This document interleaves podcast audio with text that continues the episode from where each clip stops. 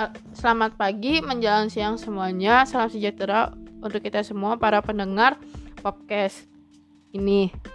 Sebelumnya, sebelum saya mengkomentari dan memberi pertanyaan kepada kelompok 8, izinkan saya memperkenalkan diri saya terlebih dahulu. Perkenalkan, nama saya Sela Febiani dari PKN Angkatan 2019A dengan NIM 1906062 dari yang merupakan anggota dari kelompok 14 dari mata kuliah Pendidikan Ilmu Pengetahuan Sosial. Nah, di sini tuh saya akan memberikan komentar terhadap kelompok 8 yang beranggotakan Satira dengan dan Ami. Uh, sebelumnya itu saya lebih ke ingin mengomentari presentasi dari Ami dari Ami karena kalau menurut saya untuk Satira sendiri sudah lumayan cukup bagus.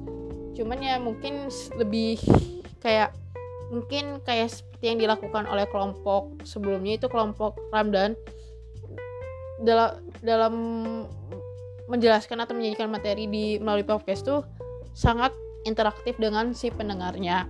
Nah, untuk Amiter sendiri kan dia tuh saat menjelaskan si suaranya tuh bisa dibilang terlalu kecil.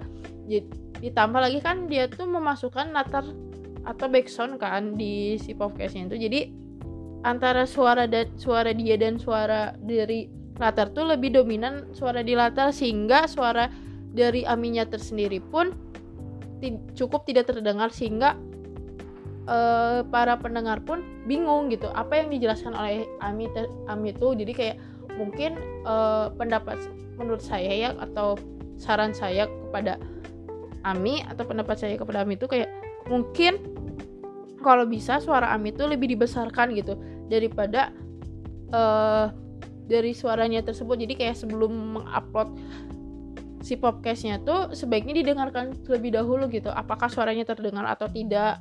Atau mungkin si suara latarnya lebih dominan daripada suara dia? Karena jadi si kesannya tuh si pendengar tuh bukan mendengarkan uh, penjelasan atau penye kayak penjelasan dari Amiter sendiri melainkan kayak lebih dominan mendengarkan suara dari latar podcastnya Ami. Nah, untuk PPT-nya sendiri pun menurut saya terlalu kayak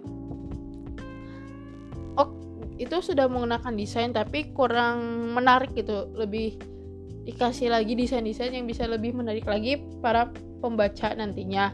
Lalu kayak lebih dipadetin lagi. Nah untuk pertanyaannya sendiri saya ingin bertanyakan di situ tuh disinggung-singgung dengan uh, project Rubik project Rubik itu.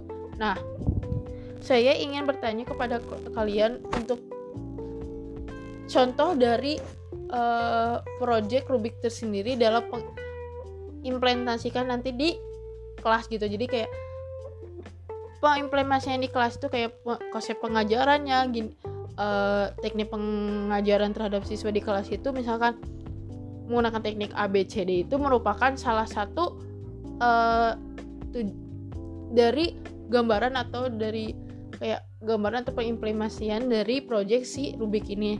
Nah, saya ingin kelompok 8 itu dari kelompok 8 mencontohkan di up, contoh pengimplementasian dari proyek Rubik tersebut di dalam kelas. Terima kasih.